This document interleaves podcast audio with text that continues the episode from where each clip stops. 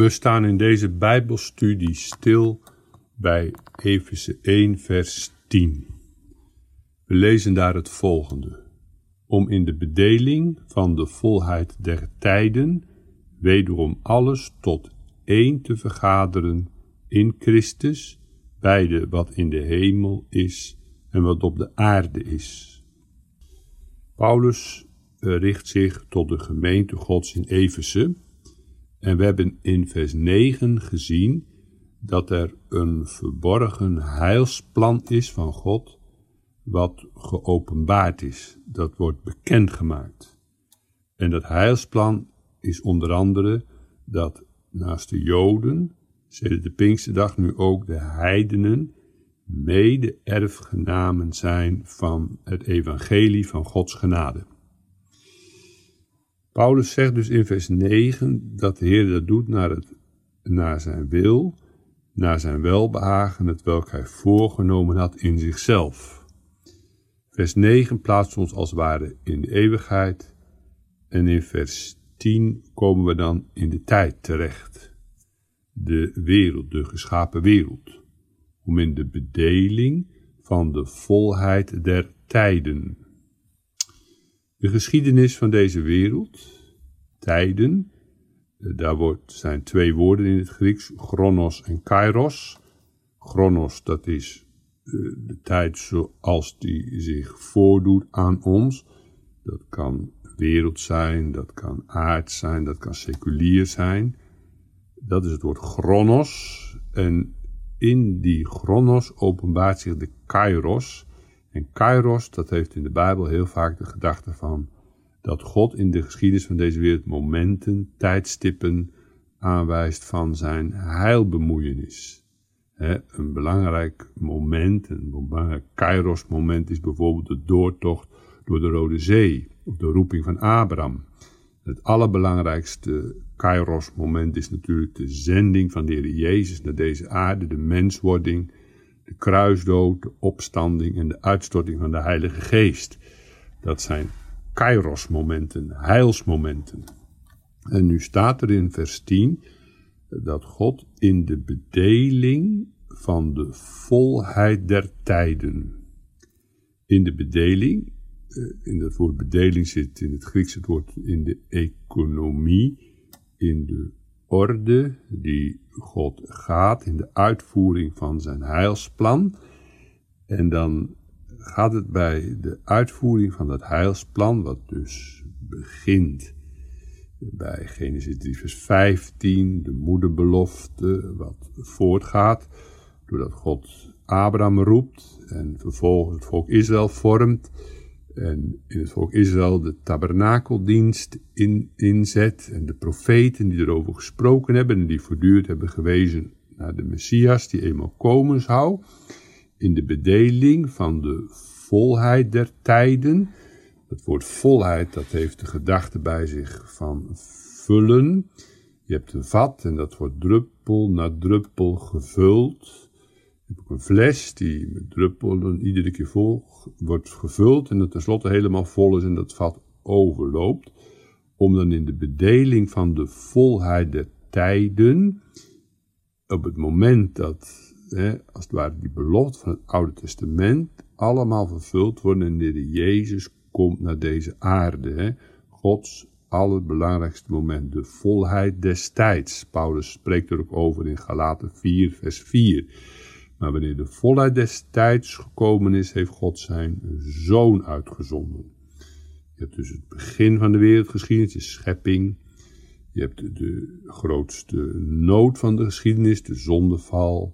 Je hebt Gods heilsbeloften, de periode van Genesis 3 tot aan eigenlijk de geboorte van de Heer Jezus, hoe de Heer keer op keer een zaligmaker beloofd heeft. Dan dat moment dat Heer komt, het tijdstip, de volheid des tijd, dat door God bepaalde tijdstip, dat zijn belofte in vervulling gaat, de komst van de Messias en dan daarna de uitstorting van de Heilige Geest, in de bedeling van de volheid der tijden, alles wederom tot één te vergaderen, tot één te vergaderen.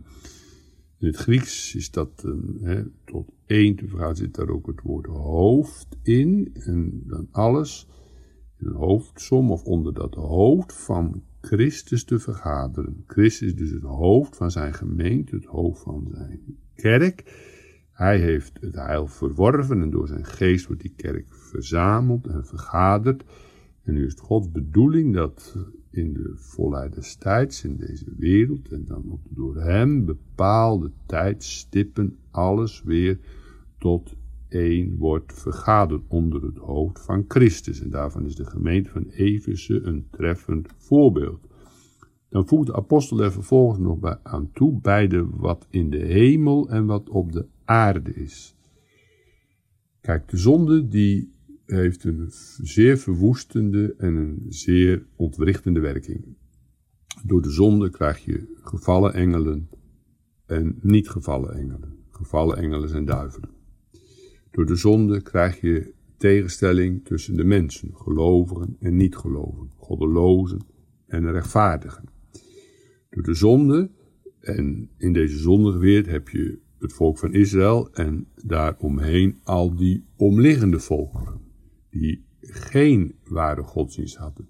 Dus door de zonde is er enorm veel verwarring gekomen, tegenstellingen en, en wordt deze hele kosmos, de hele schepping eigenlijk van God, door allerhande tegenstellingen uh, uiteengerukt en is er niet meer die eenheid zoals die was voor de zondeval. Wat gebeurt er nu in Christus en wat is nu Gods doel met de komst van Christus om alles wat in de hemel en wat op de aarde is weer te verenigen, weer die ene grote harmonie te bewerken. Um, in de kanttekening vinden we dat ook terug. Kanttekening 33, beide wat in de hemel en wat op de aarde is. En dan zeggen de kanttekenen, daardoor wordt verstaan sommigen de gelovigen die alreeds in de hemel zijn en die nog op de aarde zijn. Anderen vergelijken deze plaats met Colossensen 1 vers 16 en 20 en menen dat door degenen die in de hemel zijn verstaan moeten worden de engelen in de hemel die met de gelovigen op de aarde van alle tijden door Christus onder hem als een hoofd zijn vergaderd en met elkaar bevredigd en alzo tot één lichaam zijn geworden, die door de zonde der mensen tevoren van elkaar als afgescheurd waren. Dus door de zonde, dat brengt verwarring en scheuring teweeg, door het werk van Christus ontstaat er weer eenheid tussen de hemel en de aarde en tussen de gelovigen onder elkaar. En nu werkt God weer naar die ene toe van de hemel en van de aarde. Tekst betekent dus eenheid. Het betekent niet overigens dat alle mensen weer behouden zullen worden. Of dat de duivelen weer hersteld zullen worden. Dan komen we op het terrein van de alverzoening. En dat is nou juist wat Paulus niet leert. Het is wel degelijk zo dat sommigen niet behouden zullen worden, anderen wel. En er zal dus ook straks in de eeuwigheid en na de wederkomst van de Jezus ook een plaats zijn waar God niet gediend wordt. En dat is de rampzaligheid. Maar hier gaat het dus over dat God naar zijn heilsplan, wat oorspronkelijk een eenheid was, de hemel en de aarde, wat door de zonde verbroken is, God door zijn huisplan weer gaat herstellen. En dan komt er straks een nieuwe hemel en een nieuwe aarde waarop gerechtigheid wonen zal. En die nieuwe wereld, die is in beginsel, heeft hij al gestalte gekregen in de dood, in de opstanding van de Heer Jezus Christus. Hij, is de eersteling, zegt Paulus in 1 Korinthe 15 vers 20. Christus de eersteling, hij is het hoofd en door de uitzondering van de Heilige Geest en door de opbouw van de kerk komt er tenslotte die ene grote nieuwe gemeente, die gemeente. En zal God, doordat de Jezus terugkomt naar deze wereld, dat nieuwe Jeruzalem scheppen, wat uit de hemel neerdaalt. Om in de bedeling van de volheid der tijden. Wat leven wij dan bevoorrecht ten opzichte van de mensen die bijvoorbeeld 3000 jaar geleden leefden. Want toen wisten de mensen hier in deze lage landen niet van het evangelie. Wij weten daar wel van. We mogen bidden dat ook andere mensen, andere landen, andere volkeren ook in contact komen met het evangelie. En dat ook de Heer daar zijn rijk zal bouwen.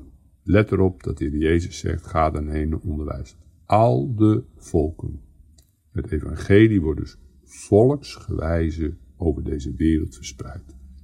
Bid jij ook voor de zending. En dat dat werk van Christus in deze wereld voortgang zal hebben, totdat hij zal wederkomen op de wolken des hemels, om alles wederom tot één te vergaderen.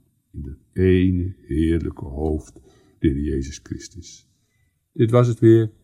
Van harte God zegen toegewenst en graag tot de volgende keer.